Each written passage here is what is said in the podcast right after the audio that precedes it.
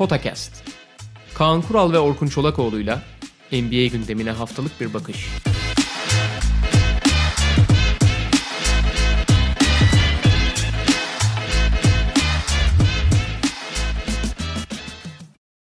Merhaba, Potakast'e hoş geldiniz. 2012 NBA draftıyla devam ediyoruz Kaan Kural'la birlikte geçmişteki yolculuğumuza. Sonrasında da sürede bir sıkıntımız olmazsa 2013'e atlayacağız ama tabii oldukça tezat oluşturan iki draft söz konusu 2012 ve 2013'ü birlikte ele alırsak. 2012 özellikle ilk 10 sırada seçilen oyuncular itibariyle yani hepsi değilse de bir kısmı çok dikkat çekici bir draft.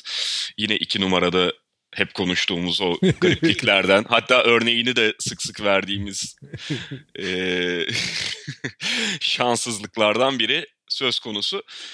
Ve tabii şöyle giriş yapmak gerekiyor belki 2012 draftına. E, o günlerde de konuşulan bir şeydi bu. Yani hatta LeBron James'ten sonra en böyle büyük beklentiyle o gün için konuşuyorum. Lige giren oyuncu diye ifade ediliyordu Anthony Davis. Ve hakkında verdi yani şu ana kadar gösterdikleriyle. Ben şeye çok şaşırdım abi. Ee, şimdi biz bu draft podcastini yapıyoruz. Abi ben Anthony Davis'in 2012 olduğunu unutmuşum. Yani ama Anthony Davis 4-5 senedir ligde gibi gelmiyor mu sana da? 8. senesi olduğu hakikaten vay lan 8. senesi mi falan diyorsun yani. Hani o biraz şeyden o, o onun yani sendeki algı ki bende de zaman zaman oluyor abi. Biraz çok fazla playoff oynamadı ya. Aynen öyle. Bir de New Orleans çok dikkat çekmedi vesaire evet. falan hani e, çok düşük konuşan, profil bir takımda, radar aynen, altı bir takımda gitti. Kendisi de çok konuşuyor. Mesela bu sene Lakers'da abi gene hani o kadar az gündem oluyor ki çok öne çıkmayı seven falan bir adam da değil. Hı hı. O yüzden hani geldiği günden beri yani çaylak yılından itibaren olağanüstü bir oyuncu olduğu, bir süper yıldız olduğu, ligin en önemli 2-3 oyuncusu yani 5-6 oyuncusundan biri olduğu belli ama yani bu kadar düşük profil olması hakikaten tuhaf. Onun dışında draftla ilgili şeyi diyeceğim. Ee, çok ilginç bir draft bu abi. İkinci turu özellikle. Oraya gelince konuşacağız. Genel itibariyle önemli oyuncular çıkardı ama şey e, nasıl derler dik yani tepeleri iyi ama aslında şey e, çok çabuk e, sığla e, çok da sığ bir draft. Yani az sayıda oyuncu ama iyi oyuncu çıkardı. E, öyle mesela bazı draftlar var. 2009 muydu 2008 miydi hatırlarsın hani çok üst düzey bir tane falan oyuncu çıkarıp ama hani 20 tane falan uzun yıllar e, ana parça olabilecek oyuncu çıkarıyordu. Bu tam tersi. Yani 3-4 tane çok önemli oyuncu çıkarıyor. Hatta 5-6 bile diyebilirsin. Şimdi konuşacağız. E, ama diğer taraftan da ilk turda mesela 15 tane falan hiç alakası 15-20 tane hiç alakasız oyuncu var yani. Evet. Ee, Davis'le ilgili hani söyleyecek fazla bir şey yok. Sen de söyledin. Ee, Gil, Gil, Gilchrist ikinci sırada. Onun için ilgili de çok söyleyecek fazla bir şey yok belki de. ya orada işte söylenecek şey hani bir kez daha e, çok iyi bir bir numaradan çok iyi bir numara seçimi demek doğru olmayabilir. Yani bir numarada Anthony Davis'i seçmek zaten başarılı değil. Çok büyük sonrasında çok büyük oyuncuya dönüşmüş bir bir numara seçiminin ardından e, kariyeri tamamen farklı yönde gitmiş. Bir iki numaranın gelmesi. E, yani mesela iki numarada Bradley Beal seçilmiş olsa tabii ki Anthony Davis ayarında olmasa da bu kadar dramatik bir görüntü ortaya çıkmazdı Charlotte Bobcats açısından. Fakat işte işin ilginci mesela Tabii ki Kid Gilchrist de Anthony Davis'le aynı cümleler içerisinde yer almıyordu ama hatırlarsın kolejden gelirken abi ki ikisi de Kentucky'de okumuştu. Michael... Ve, o, ve o Kentucky takımı inanılmaz bir takımdı abi. Evet. Michael Kidd Gilchrist de NBA kariyerinin bu kadar sönük olması beklenen bir oyuncu değildi. Yani bir kere çok iyi bir savunmacı. Biraz da işte şut geliştirir, biraz hücumunu daha şey hale getirebilirse, geliştirebilir, biraz belli özelliklerini rafine hale getirebilirse NBA'de de gayet sağlam bir oyuncu olur. Hatta hatta yani hücumunun gelişimine bağlı olarak bir yıldıza da savunma tandanslı, savunma ağırlıklı bir yıldıza da dönüşebilir deniyordu o günlerde Kid Gilchrist için. Yani tabii ki zaten hani iki, iki numaradan da boşu boşuna seçmiyor kimse. Ee, ki hani güçlü bir draft olduğu düşünüyordu. Beklenenden daha zayıf bir draft oldu ama güçlü bir draft olduğu düşünüyordu. Kid Gilchrist o Kentucky takımının yani gelmiş geçmiş en olağanüstü kolej takımlarından biriydi o Kentucky'nin. Zaten ilk turda dört oyuncusu seçildi Kentucky'nin. O Kentucky takımında da hani biraz daha iyi gözüküyordu ama senin söylediğin gibi ham madde çok önemliydi. Yani müthiş bir savunmacı olduğu, fiziği, atletizmi her şeyi yerindeydi. Ama teknik ve özellikle şut problemleri onu yani bir oyuncu olmaktan çok uzaklaştırdı ki bu tip tuhaf seçimleri hep belli takımların yapması da ilginç. Minnesota, Charlotte falan draftta ne kötü tercihler yapıyor düzenli olarak yani. Evet, evet. Yani Charlotte e, lige girdiğinden beri zaten hani bu işte serinin başlangıcını 2003'ten aldık biliyorsun abi. 2004 hemen e, Charlotte'ın lige girdiği ve iki numarada Emeka Okafor'u seçtiği. ya orada mesela tamam yapabilecekleri belki bir şey yok. O günkü Okafor seçiminde uzun uzun işlemiştik ama bazen sadece iki numaradan değil başka sıralardan da çok tuhaf seçimler de yaptı Charlotte. Vallahi Charlotte'ın hani işte 2004 diyorsun yani 8. 9. draftı inceliyoruz. Yani Kemba Walker dışında başarılı kabul edebileceğin seçimi yok ya. Charlotte'da şey de var abi. Ya o mesela onun en çarpıcı örneklerinden biri daha sonraki draftlarda önümüze geliyor. 2013'teydi galiba ama dönem dönem podcast'te konuştuğumuz bir şey. Charlotte o şeyde olduğu için NCAA basketbolunun çok özümsendiği, çok sevildiği bir yerde olduğu için yani e, bir NBA takımı olarak orada izleyiciyi çekmek adına kolej kariyerine fazla önem vererek oyuncu da seçiyor zaman zaman. Yani Gilchrist Artı... onun örneklerinden biri değil ama bazı hatalarında o yönelimleri onları çok etkiledi.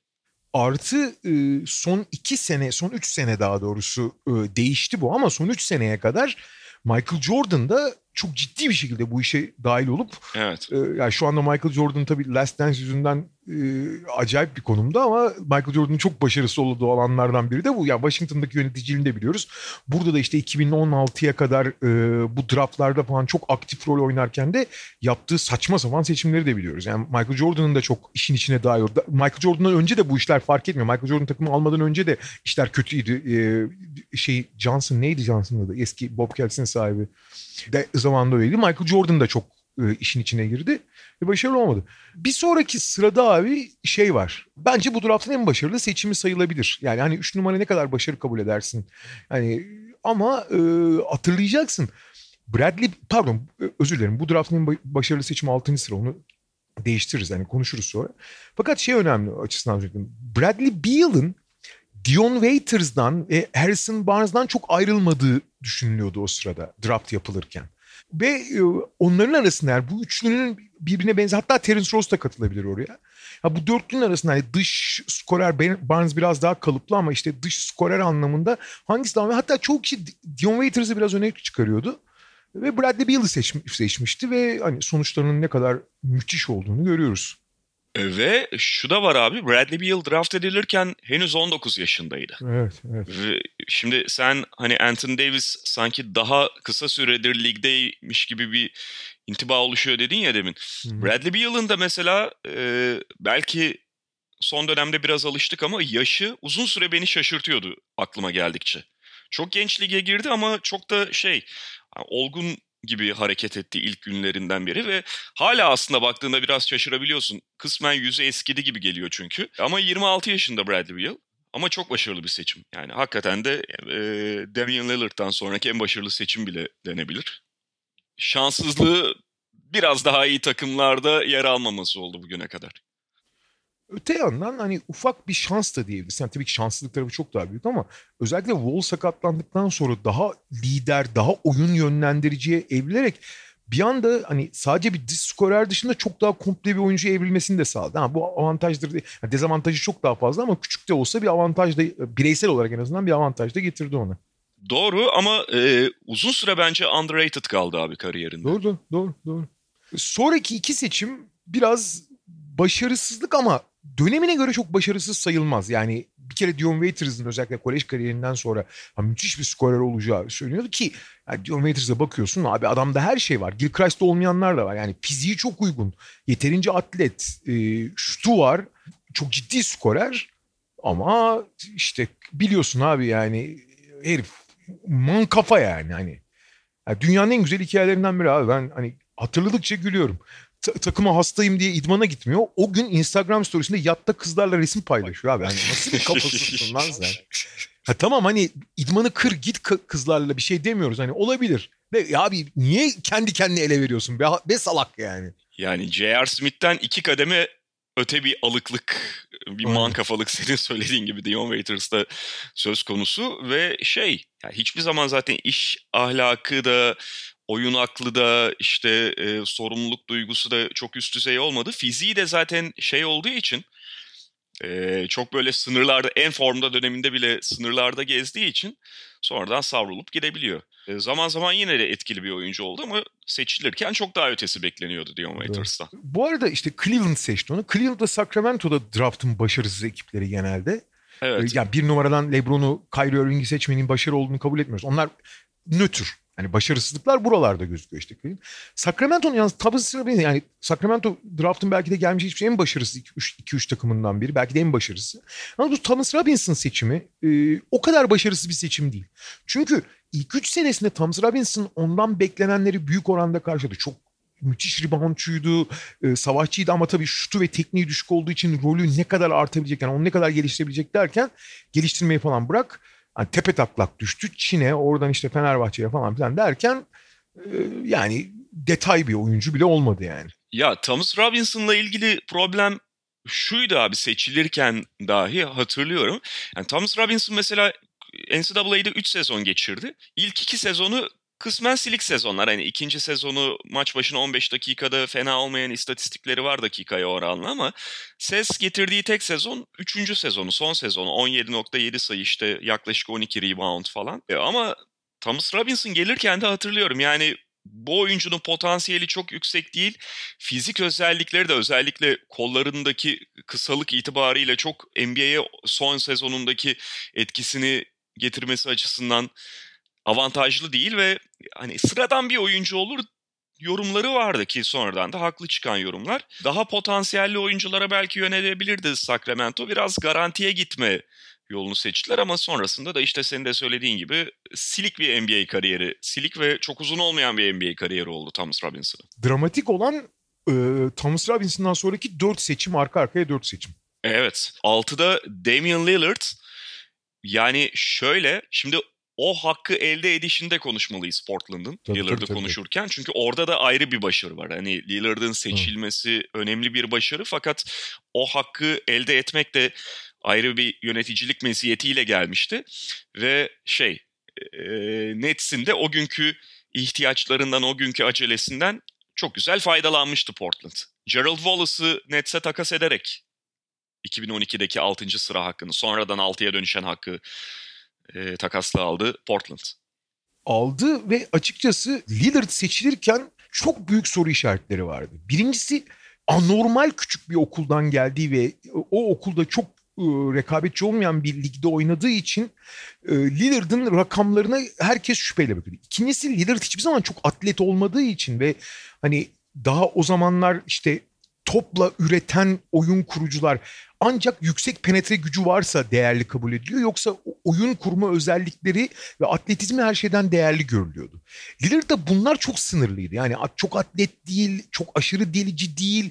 Tamam hani top tekniği yüksek falan ama oyunu da müthiş kurmuyor. Zaten küçük bir okulda falan derken çok büyük şüpheler. Keza ben de hani çok takip etmediğim için yani gördüğüm kadarıyla ben de hani çok şüpheyle falan bakıyordum. Fakat Portland bütün yani muhtemelen yani o sıra 10-12'ye kalsa bile belki de Lillard seçilmeyecekti. Yani çok soru işareti vardı. Potansiyeli çok biraz Thomas Robinson'a benziyor. Yani potansiyeli çok yüksek görülemiyordu pek çok kişi tarafından. Ama e, Portland ona çok inandı. Ama şunu da söylemek lazım. Yani, yani bırak Portland'ı yani ona en çok inanan insanların bile yani kendisi dışındaki hemen hemen herkesi bile fersah beklentilerini fersah fersah açtığını söylemek lazım. Yani Lillard'ı anlatmaya gerek yok. Sadece şeyi söyleyeceğim bir kere karakter olarak hem oyuncu hem insan karakteri olarak bu kadar kusursuz oyuncu nadirdir abi. Yani lig tarihindeki en kusursuz saha içi ve saha dışı karakter olarak oyuncu söyle desen Lillard ilk beştedir ya. Yani Duncan Mankın dersin belki. Hani gerçekten çok çok acayip bir adam yani. Çok acayip yani. Ya beni en çok etkileyen şeylerden biri Lillard'la ilgili ki 4 sene senin söylediğin gibi çok küçük bir okulda Weber State'te geçirdikten sonra hani bu NBA kariyerini elde etmiş olması, o güne kadar kısmen gizli kalıp o günden sonra bu kariyeri elde etmiş olması da biraz ha, bu... Bu arada senin söylediğin de çok önemli. 4 sene kalmış olması da çok çok önemli yani. Evet yani hani o güne kadar o okulda dediğin gibi çok küçük bir okuldu zaten. Çok da dikkat çekmeyen bir oyuncuydu haliyle. 4 sene kalıyor ve geldiğinde 22 yaşında. Öyle büyük potansiyel falan da gözükmüyor Damian Lillard'da. En azından o günkü şey o. Ama işte beni en çok etkileyen de o abi. Yani zaten bir potansiyel gözükmüyor. Küçük bir okulda geçirmiş falan. Ama e, NBA kariyeri boyunca da sürekli gelişti. Yani ilk gününden beri çok iyi bir oyuncuydu. NBA'de tamam kendini kabul ettirdi. Bu adam iyiymiş ya delirtti. Ama gelişmeye devam etti. Mesela Damian Lillard'ın ilk yıllarında NBA'de en büyük problemlerinden biri e, iyi şutuna karşılık pota yakınına yaklaştığında oralarda problem yaşayabilmesi. Hatta potaya gidememesiydi biliyorsun. Aynen. Yani aynen. giderek o yönünü çok geliştirdi. Bitiriciliğini, pota dibinde de bitiriciliğini geliştirdi. İşte ya tabii ki hala zayıflıklarından bahsedebiliriz. Hala her her oyuncunun var. Savunması hep bir zaaf olarak kaldı ama orada bile aslında başladığı noktaya kıyasla gelişiminden de aynı zamanda söz edilebilir. Yani hiçbir zaman vardığı noktayla tatmin olmuyor Lillard ve sürekli ileriye doğru bir şeyler atıyor, adımlar atıyor, kendini geliştiriyor. Şey çok acayip abi.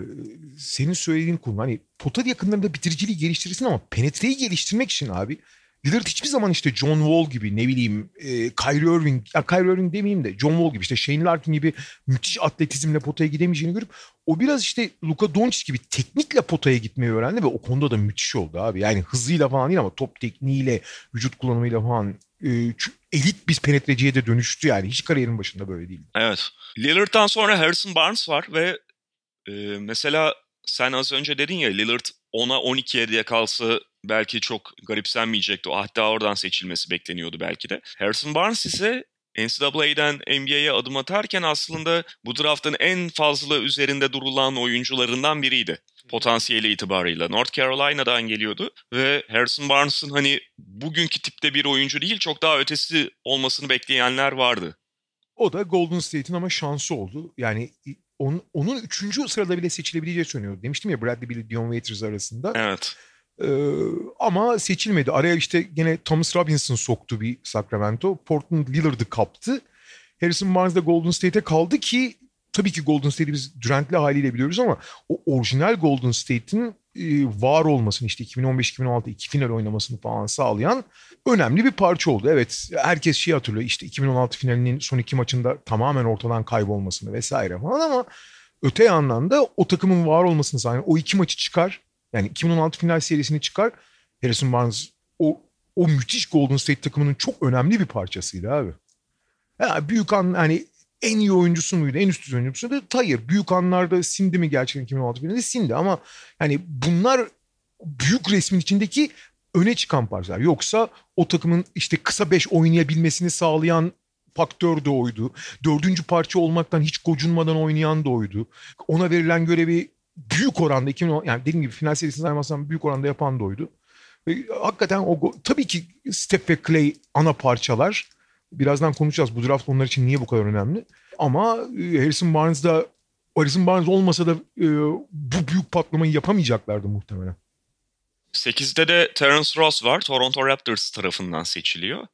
Ya Ross seçilirken onunla ilgili o günlerde neler konuşulduğunu çok da hatırlamıyorum açıkçası şu anda. Yani Harrison Barnes kadar öne çıkarılan bir oyuncu değildi. Toronto'da bu arada onu şey başlarda biraz arkadan getirmek için DeMar DeRozan'ın arkasından geleceğini bilerek seçti.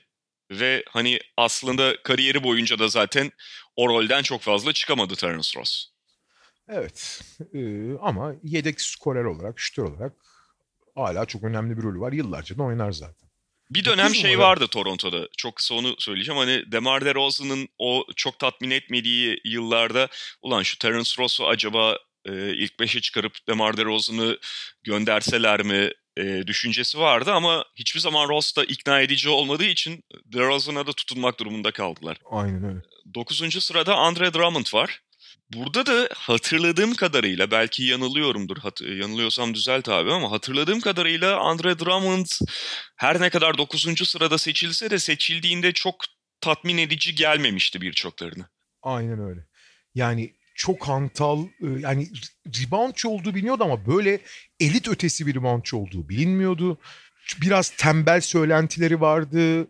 Yani hiç öyle çok göze çarpmıyor. Ha, evet fizik olarak tabii ki 9. sırada seçildiği için belli şeyler vardı ama e, hep bir soru işareti barındırıyordu. Ya abi hani e, nasıl şey diyorsun e, Kid Gilchrist için abi bazı şeyleri geliştirirse çok iyi olur.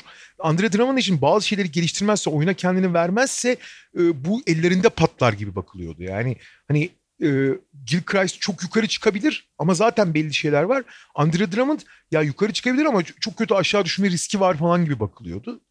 E, tersine e, girdikten sonra çok kısa sürede yeni versiyon Dwight Howard'a dönüştü. Ama ne yazık ki basketbol değiştiği için onun e, yani Andre Drummond'la ilgili bir kabahat yok. Andre Drummond gerçekten olabileceğin en iyi oyuncusu haline geldi bile yani. Yeni versiyon Dwight Howard. Daha ne olsun abi?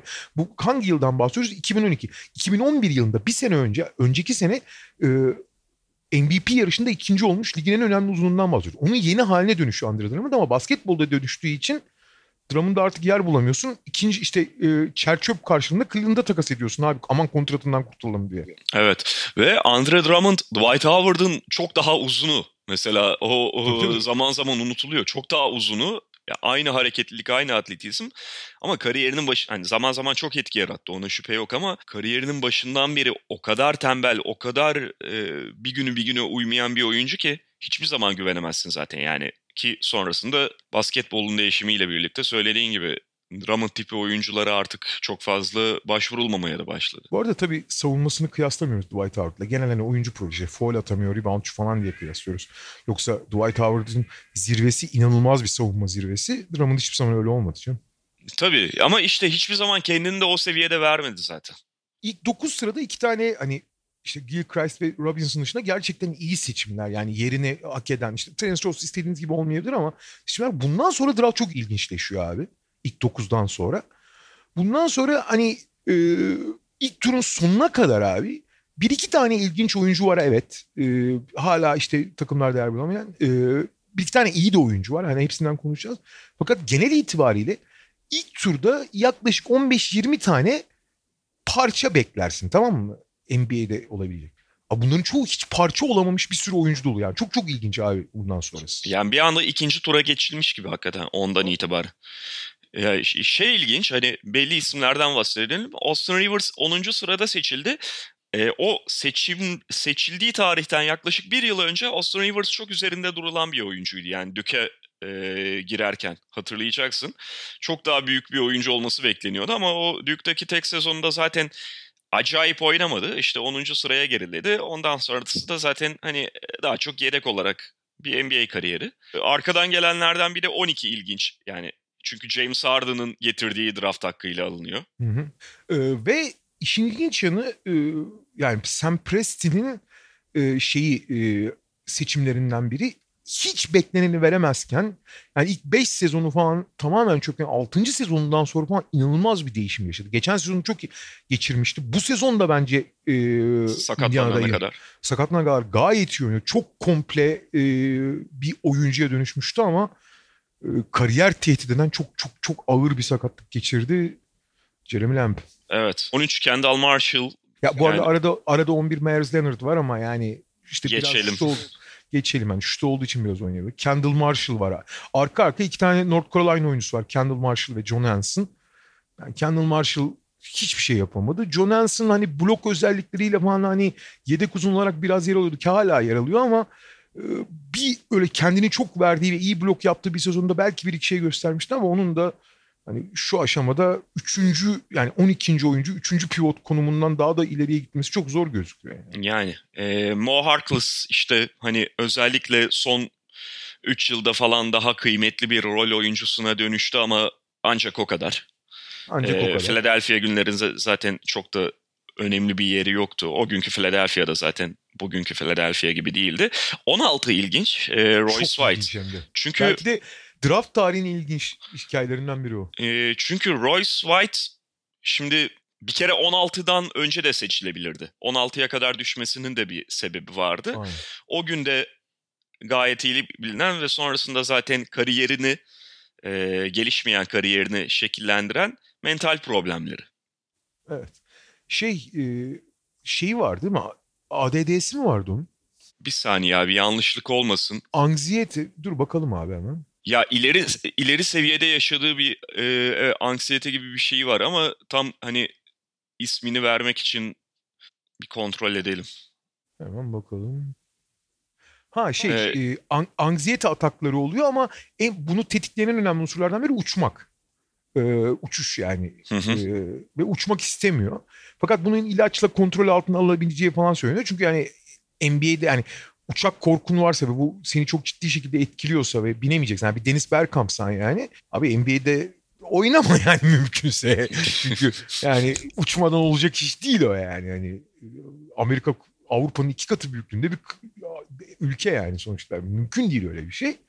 İşte ama ilaçla kontrol altına alabilecek falan diyordu. Daha sonra yalnız e, Royce White'ın yani şimdi bu, bunu bilerek aldılar. O yüzden zaten senin de söylediğin 16'ya düştü. Fakat bundan sonraki gelişmeler hakikaten tuhaflaştı. Houston önce çok saygı duydu Royce White'a. Uçak işte uçağa bindirmeden iç sahada iki maçlarda oynasın. Yani deplasmana gitmesin e, çaylak döneminde. işte bununla ilgili işte ilaç tedavisini ne kadar ilerletebiliriz? Ne kadar işte terapiyle şeyle ilaçla halledebiliriz diye bakarken Royce White Houston'ın bu çok olumlu yaklaşımına çok ters yanıt verdi.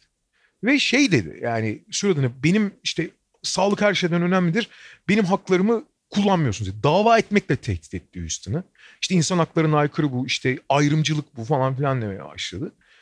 Yani Houston da bunun üzerine iyi de abicim yani hani bu işin gereği olan bu. Bu yani atıyorum uçmaktan korkan pilot olur mu anasını satayım yani. O zaman pilot ama biz sana şey demiyoruz. İnsan olarak biz şey demiyoruz. Hani hayatını nasıl geçireceğini sana bir şey dikte etmiyoruz ama bu işi yapmak istiyorsan bunu yapmak zorundasın. Yapma, yapman için yardımcı oluyoruz. Sonra Royce White işi gerçekten mahkemelere falan götürdü. İşte ayrımcılık malumluk millet de hani önce çok sempatiyle bakıyordu sonra ya kardeşim yani sen de suyunu çıkardın artık diye bakmaya başladı. Ve maalesef e, NBA kariyeri hiç olmadan herkesle kavga ederek bir de e, sadece 3 maç NBA'de yer alarak kariyerini bitirdi. Evet yani üzerinden tabii epey vakit geçti falan ama bir de mental bir problem olduğu için hani üzerinde fazla bilgi sahibi olmadan da çok fazla konuşmak istemiyorum ama böyle uçak korkusunu falan aşan problemleri var gibiydi tabii, zaten vardı, Royce White'ın. O biraz vardı. senin de söylediğin gibi zaman geçtikçe demeçleriyle falan ortaya çıktı ve hiç zaten başlamayan bir NBA kariyeri oldu maalesef. 17 Tyler Zeller, 18 Terence Jones. Geç. Geç. Ya Terence şöyle... Jones ilginç bir oyuncu olabilirdi bu arada. Evet olabilirdi. Ee, kısa şütör bir uzun olarak olabilirdi. Hatta bir ara oluyor gibiydi ama olmadı yani. Yani onun da kafa çok dağınıktı. Ee... Şöyle aslında yani e, bence ilk turun sonuna kadar zaten bin tane çok alakasız oyuncu var. E, arada önemli olanlardan bahsedelim istersen. E, 20. sıradan başlayalım. Yani 20. Tabii. sırada dışın 20. sıra dışında aslında çok bahsettiğimiz bir iki tane not ekleyebilirim 20. sıra dışında. 20. sıra Evan Fournier. Lige hemen gelmiş miydi ona bakıyorum da evet hemen Denver Nuggets'la geldi. Sonrasında 2 yıldan sonra Orlando. Şey biraz da Denver'ın sonrasında gelenek haline getireceği iyi draft Avrupa draft seçimlerinden bir tanesi. Çünkü Denver so, sadece iler... Avrupa değil abi. Sadece Avrupa değil. İlk turun ortalarından falan Denver muazzam seçimler yapıyor bu süreçten sonra. Yani 2010'larda en başarılı draft yani Sam Presti'den Oklahoma City'den bahsediyorum ama Denver'da müthiş seçimler yapıyor. İleriki draftlarda konuşacağız hep. Doğru. Bu da çok iyi. Bu da çok iyi seçim abi. Bu da çok. Yani şöyle 9. sıradan sonrası e, saçma sapan dedik. Abi 9. sıradan sonra tam 21 seçim yapıyor. 21 seçim içinde açık ara en iyisi yani. Hatta tek iyisi bile diyebilirsin yani. Maalesef Denver açısından sorun şu ki yani çok fazla oyundan biraz kendi tercihleri de rol oynadı. İki sene sadece faydalanabildiler Evan Fournier'den. 21 Jared Salinger e, o da şöyle ilginç hatırlayacaksın Jared Salinger'ın bir bel rahatsızlığı mı vardı değil mi? Belinde sakatlık vardı. evet, evet. Ee, o yüzden 21'e kadar düşmüştü. Tabii. Belindeki o sıkıntı olmasaydı belki ilk yani lotarya içerisinden seçilir diye bakılan bir oyuncuydu. Boston Celtics ona şans verdi. Yani, nitekim hani dönem dönem aa Boston Celtics oyuncuyu bak kaptı o sıradan diye düşündürten performansları da olmuştu ama şey sakatlıklar sonra yakaladı Salinger'ı. Ee, hemen aksine Boston'ın bir seçimi var. Boston bu sırada draft seçimlerini topluyor ki hani deneyince pek çok açıdan e, övülüyor ama buralarda da e, karavan attığı seçimler var. Yani Fab Melo'yu seçtiler. Yani hiç alakası yoktu yani. Onu ama yani Fab Melo'nun çok büyük bir risk olacağı ama işte kendisini toparlayıp kendisini tamamen basketbola konsantre edip çok çalışırsa potansiyeli olduğu düşünüyordu. Burada 20 yani öyle potansiyeli olup ama potansiyeli ulaşma ihtimali düşük olan bir oyuncu 22'den seçmek. Hele ki yani ilk turda e, bu, e, daha yüksek hani büyük kumar oynaması gereken bir takımdı Boston o sıralarda. Çünkü elinde hiçbir şey olmadığı için. Hani kötü bir seçim. Gerçekten kötü bir seçim ama anlaşılabilir bir seçim öyle söyleyelim. Bob Melo ama hiçbir şey olmadı tabii ayrı konu. John Jenkins, Jared Cunningham, Tony Rotten. Tony Rotten biraz ilginç. Ee, Tony Rotten çok daha üst yani girer girmez aslında çok başarılı bir gözüküyordu ama onun kariyeri de e, hastalıklarla bezendi ve hastalıklar yüzünden kariyeri e, erken bitti. Çok net potaya giden bir oyuncuydu Tony Rotten. Evet, evet. Ee, 26 Miles Plumlee şey Mason değil Miles Mason. Plumlee. Ee, o Plumlee'lerin en büyüğü ama yani onunki zaten gayet silik bir kariyerdi. Tek bir iyi sezonu var. O çok ilginç Phoenix Suns 2013-2014 sezonunda Miles Plumlee de iyi oynamıştı. Şeyde e, Phoenix'te ama sonra arkası gelmedi. 27 Arnold Moulter e, ve 28'de aslında yine bir Sam Preston'in e, hakikaten başarılı seçimi. Perry Jones. E, Perry Jones da aslında ilk 10'da hatta lotaryada seçilebilecek bir isimken hiç risk edilmiyor. Çünkü çok ağır diz sakatlıkları geçirmişti ama çok komple içeriden dışarıdan oynayan müthiş fizikli falan bir oyuncu olduğu biliniyordu. O Sam Presti şans verdi ve açıkçası özellikle sağlıklı olduğu dönemde de harika bir yani müthiş bir seçim olduğunu göstermişti. Hani ilk onda seçilmeyi hak ettiğini göstermişti ama sonra gerek o sakatlıkların yükseltmesi gerek e, iş ahlakının çok düşük olması sebebiyle NBA'den Çin'e, Çin'den emekliliğe, emekli oldu. Sonra Filipinler ve Türkiye üzerinden en son Bursa Spor'da işte. Evet. Sezon itibariyle. Yani teorik olarak aslında çok iyi bir tamamlayıcı gibi gözüküyordu e, şey. O Oklahoma City Thunder takımı içerisinde Durant'in işte Westbrook'un falan yanında çok iyi yer bulabilirdi Perry Jones. İkinci tura geçtiğim yani Mark Stig, Festus Ezeli diye tamamlıyoruz ilk turu. İkinci tura geçtiğimizde 32'de şey var, Tomay Satoranski var. İyi bir evet. seçim. Çok iyi bir seçim hem de.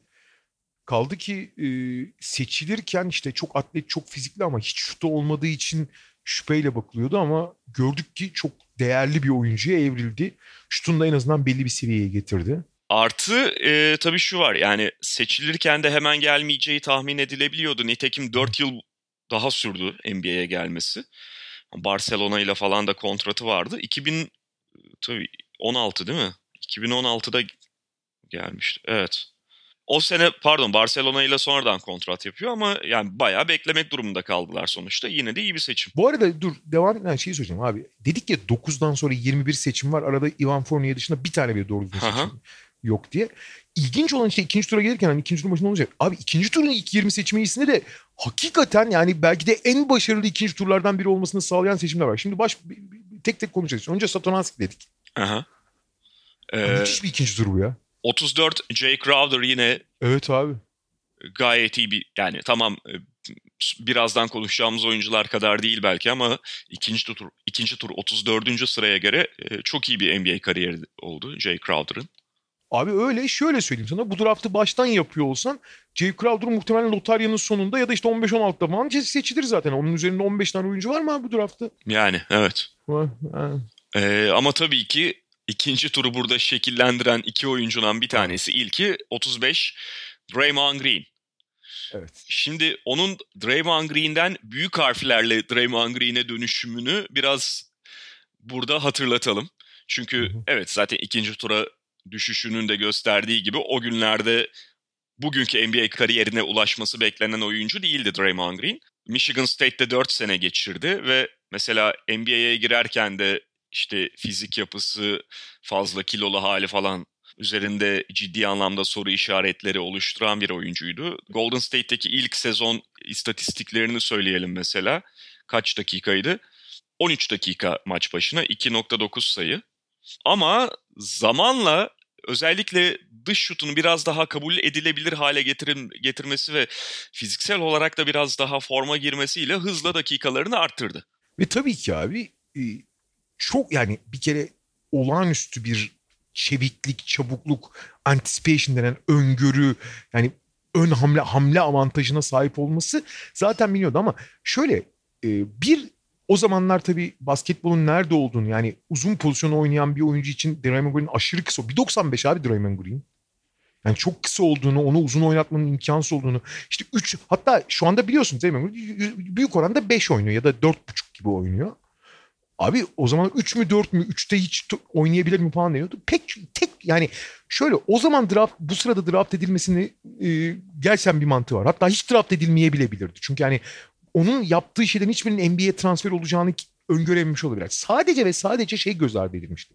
Draymond Green hani oyun görüşü çok fazla ve pas trafiğinin bir parçası olabilir ama abi hiç hücumda işte şey yapamayan, üretemeyen, atamayan, çok kısa bir uzunun hücumun bir parçası olması hakikaten değerli görünüyordu. Nitekim abi Draymond Green'deki bireysel gelişim falan olağanüstü ligin en iyi savunmacılarından biri. Hani hem birebir hem takım savunmacısı olarak ligin en iyi savunmacılarından birine dönüşmesi, kişisel gelişimi, işte şutunu geliştirmesi falan harika da Golden State dışı değil başka bir takımda olsa da Draymond Green'in bu kadar serpilmesi kolay olmayacaktı. Evet savunmasını falan geliştirebilir ama Draymond Green'in o pas temelli oyunun bir parçası olması yani Stephen Curry'nin pick and roll'larında Stephen Curry'nin çektiği ilgiyi ağır cezalandıran ikinci oyun kurucu rolünde abi 7-7,5 asist ortalamayla oynuyordu abi düzenli olarak yani. Yani onlar yani Draymond Green'in bireysel gelişimi dışında çok doğru bir takıma gitmesinin de ne kadar önemli olduğunu gösteriyor. Ee, NBA tarihinin büyük başarı hikayelerinden biri. Ama yani burada yeri gelmişken şeyi de söyleyeyim abi sana bırakmadan. Ee, işte Draymond Green hani ikinci sırada ikinci turdan seçtiler. İşte bu müthiş Golden State hikayesinin en önemli parçalarından birini aldılar. Ee, Golden State helal olsun diyor. Evet helal olsun ama çok da helal olsun değil abi. Bu biraz da şans işi. Eğer Draymond Green'in potansiyelini öngörüyor olsalardı abi 30. sırada Festus Ezeli'den Festus Ezeli yerine seçerlerdi. Evet. 30. sırada ilk turun sonunda Festus Ezeli'yi seçtiler. Niye? Çünkü ilk turda seçmenin şöyle avantajları var. 4 yıllık kontrat yapabiliyorsun. Ondan sonra extension yapmak falan daha kolay. İkinci turda seçtiğin zaman oyuncu gelişim gösterse bile onu elde tutmak için başka şeyler yapman gerekiyor. Erkenden kontratı artıyor falan. Abi o yüzden hani evet Golden State'i tebrik etmek lazım ama bu işin de hani öyle abi biliyorduk onu oradan aldık falan diye bir durumu yok yani onu söyleyelim. Yok artık şu da var abi mesela Steve Kerr'ün her zaman açık sözlülükle itiraf ettiği bir şeydir. Şimdi bugünlerde unutuluyor tabii ki 2014 sezonuna daha doğrusu 2014-2015 sezonuna başlarken Golden State'in kadro yapısının ne olduğu ve Draymond Green'in o kadro hiyerarşisi içerisindeki yeri biraz unutuluyor ama e, Steve Kerr mesela bunu dediğim gibi açık sözlü biçimde itiraf ediyor. O sezon o sezona başlarken David Lee'nin sakatlanmış olması Steve Kerr'e kapıyı açıyor. Yani David Lee sakat olmasaydı ben David Lee ile ilk 5'te devam edecektim. Draymond Green de kenardan gelecekti diyor Steve Kerr. David Lee sakat olduğu için orada Draymond Green'i 4 numarada kullanıyorlar. Ve ondan sonra bakıyor ki taşlar tam olarak yerine oturuyor. Öyle devam ediyor. David Lee de bir anda şey kendisini kenarda hatta dakikaları azalmış olarak buluyor. Özellikleri de o takıma şey olmadığı için. Ama David Lee mesela eğer yanlış hatırlamıyorsam 2013-2014 sezonunda ya da belki bir önceki sezon All Star. Hatta takım evet. şey Stephen Curry All Star değil mesela David Lee All Star. Ya bir evet. önceki sezon ya bir iki önceki sezon. Ve hakikaten de değerli bir oyuncu. Yani tabii, daha tabii. sonra işte New York'ta falan da değerliydi zaten. Yani hakikaten değerli bir oyuncu. O, o sezon şey abi banko 20-10. 20 sayı tabii, 10 rebound kafadan Aynen David Lee. Aynen Ama böyle kapı açıldı. Ondan sonrası da geldi zaten. Evet kaçtaydık? 35. sıra. 36 Orlando Johnson geçelim Geç. onu. 37 Quincy Ace'i. O da NBA'de çok iz bırakamadı. 30. oynadı ama bir şey yapmadı. Gene ama ikinci turda 37. sıra seçim için fena değil. Ee, Quincy Miller'ı geçelim ve 39 ile 40'a arka arkaya gelelim. Evet. İkinci turu özel kılan yani Satoranski, Jay Crowder, Draymond Green dedik ama 39-40 da arka arkaya çok çok acayip yani. Abi Chris Middleton'da e, şöyle güldüğüm bir şey var. Detroit Pistons tarafından draft ediliyor biliyorsun. İşte evet. ve bir sezondur Detroit Pistons'ta kalıyor. Hani Detroit Pistons'ın yani o yıllarda da zaten öyle acayip bir kadrosu yoktu da özellikle takip eden yıllarda düştüğü hallere falan bakarsan Chris Middleton'ı elden çıkarmış, elden kaçırmış olmaları baya hem acı hem de komik bir olay. Ve abi ilginç. Evet Chris Middleton geç açıldı. All-Star seviyesine biraz geç geldi ama abi Detroit'teki halini hatırlarsan benim biliyorsun hani evlatlarımdan biriydi. Abi ben hani sadece maçları izleyerek abi bu adam gerçekten işte çok yönlü, çok şey verebilir ve e, üzerine yani Detroit'in gitmesi gereken yolda bu adam çok önemli bir parça olmalı diyorduk abi. Ben o zamanlar hatırlıyorum. Diyordum hatırlıyoruz konuşuyorduk beraberdik yani. Hı hı. Abi e, fakat hani saçma sapan bir takasla elden çıkardılar yani. İlginç bir şekilde. Yani seçtiğin piyango çıkmış sana nasıl bir mantıkla onu elden çıkarıyorsun, o takası yapıyorsun anlaşılır gibi değil. Evet yani dediğimiz gibi gerçekten e, şey oldu. Yani kariyerinde biraz geç açıldı. E, geç yani bu seviyelere geldi. Ama ya o, o takası yapılmanın yapmasının anlamı yok. Abi Brandon Knight ve Krautsow'la birlikte Brandon Jennings karşılığında yollandı. Şimdi bir abi şimdi Brandon şöyle Brandon Jennings onların gözünü boyamıştı. Çünkü Brandon Jennings'in biliyorsun hani konuşmuştuk çaylak yılında 50 attı yani hani Aha. çok etkileyici. Ama izlediğin zaman Brandon Jennings'in e, öyle bir oyuncu olmadığını görüyordun. Bu arada Chris Middleton aslında Chris Middleton karşında Brandon Jennings gitmedi. Aslında Brandon Knight daha önemli oyuncu olarak gözüktüğü için Brandon Knight'la birlikte Chris Middleton'ı da verip Brandon Jennings'i aldılar yani. Evet, evet. Yani araya atıldı Middleton resmen. Evet. Ama yani onların arasında daha o draft sırası yani o takas sırasında abi bunların arasındaki en önemli oyuncu Chris Middleton diyordum. Yani diyordu pek çok kişi ben de diyordum yani. Ya zaten Detroit'in 2008 sonrası falan öyle bir dönemi var ki o kadar korkunç yönetiliyor ki ve bu 2013 falan da onların içerisinde şey felaket. Yani Joe Dumars işte tabii 2014'te görevden alınıyor.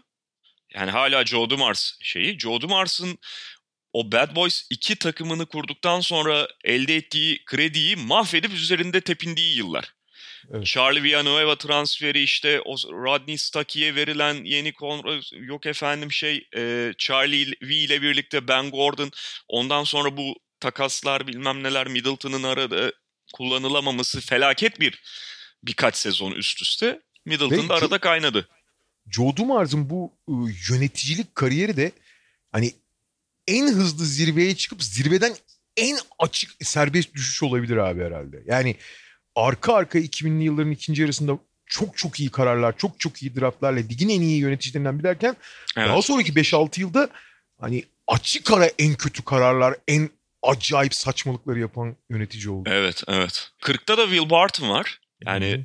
o da yine ikinci turdan sonra çok iyi bir NBA kariyeri elde etti. Onun tabii onunla ilgili en büyük sorun hep fiziğiydi. Ama görüyoruz ki abi evet fizik olarak çok yeterli olmasa 3 numarada çatır çatır da oynuyor abi.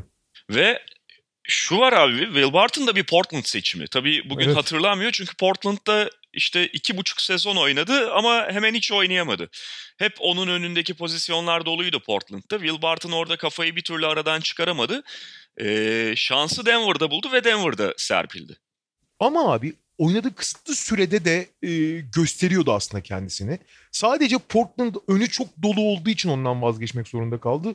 E, çok üzülmüşlerdir diye tahmin ediyorum. Yani onlar şey gibi değil ya değer vermedikleri için değerli olduklarını bilerek belli oranda yolladılar ama sonra esas patlamayı yaptı. Hı hı. Buradan sonrasını hızlı geçebiliriz biraz daha. Şöyle bir Bence, öne çıkanlara bakalım ya da evet. Aynen. İki tane öne çıkan isim var. Yani üzerinde konuşmak istersen konuş. Söyleyecek bir şey yok. Ee, belli bir parça olmayı uzun süre başaran Mike Scott ki hala oynuyor görüyoruz. Ee, hı hı. Şütör olarak en son işte Philadelphia'da da e, kendine yer buldu. Ki her zaman da oynar oyun stiliyle e, şütör uzun gibi kanat oyuncusu olarak. Ve Kylo Quinn o da yani yedek uzun olarak hem oyun karakteriyle hem verdikleriyle oynar. Daha sonra abi e, söyleyecek bir şey yoksa şeyden bahsedeceğim ben. Daha sonraki e, tuhaf kumarlardan. Evet evet. Türk, Türk basketbolu için ilginç draftlardan biri. Üç oyuncumuz birden draft edildi bu draftta. E, 50'den itibaren draftı Türkler domine ediyor. Üç tane Türk var. 50'de İzzet Türk Yılmaz, 53'te Furkan Aldemir, 57'de İlkan Karaman. Furkan NBA'ye gitti ve yani oynadı da aslında. 41 maç oynadı abi bir sezonda. Daha ne olsun yani. Gayet de oynadı. Hani o bir beklenen çıkışı yapamadı vesaire. İlkan'ın bir potansiyeli hep vardı ama onun sakatlıkları onun gitmesine engel oldu.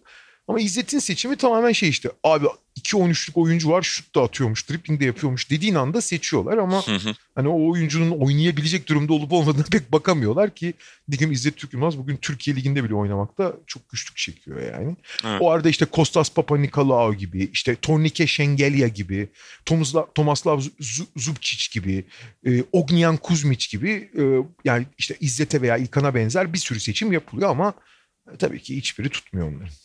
Papa Nikolaou NBA'ye sonraki yıllarda gelirken ya bu NBA'de e, bir yer bulabilir şeyiyle gelmişti. Ki ben de öyle düşünüyordum. Ben de onun bir rol de. alabileceğini düşünüyordum. Ben de çünkü NBA'ye gitmeden önce, hemen gitmeden önceki e, Olympiakos ve Barcelona dönemini hatırlarsan, yani Avrupa'nın zaten en fazla etki oluşturan oyuncularından biri ve NBA'ye de e, uyarlayabileceği bir oyuncu vardı. NBA'de bir 3 rolü alabileceği düşünülüyordu. Fakat abi şey oldu, yani NBA'de işte kaç sezon geçirmişti? 2 sezon kadar. Öyle bir çalkalandı ki NBA'de döndükten sonra da çok farklı bir oyuncuydu. Hiç gitti, gittiği günle alakası olma, olmayan bir şekilde geldi Kostas. Papanikolaou. Ben onun hani fiziğinin falan NBA'ye uygun olduğunu, işte onu şut yeteneğiyle birleştirirse, oyun bilgisiyle birleştirirse hakikaten yani tamam başrol değil ama yan rol alabileceğini düşünüyordum. Bir takımın 5. oyuncusu, belki iyi bir takımın 7. oyuncusu gibi.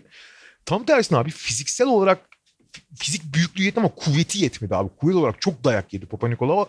Öyle bir dayak yedi ki döndüğünde gittiğinin iki basamak gerisindeydi ve şu anki halinde görüyoruz. Evet. Diyoruz ve çok bu eğlenceli ve ilginç draftı bir programda bitirmiş olduk. Böylece 2013. Yani bu da gene tek draftlı bir program ol- oldu böylece podcast'te. Peki 2013'ü bir sonrakine mi saklayalım abi? Bir sonrakine saklayalım abi. 50 dakika olduk zaten. Nasıl za- zaman çok. Tamam. 2013'te 2013 daha eğlenceli olabilir. Yani Daha, e, da- daha, kısa daha eğlenceli olur ama daha kısa olacak orası kesin.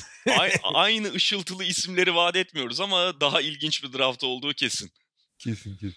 Peki e, haftaya tekrar görüşmek üzere diyelim. Hoşçakalın. Hoşçakalın.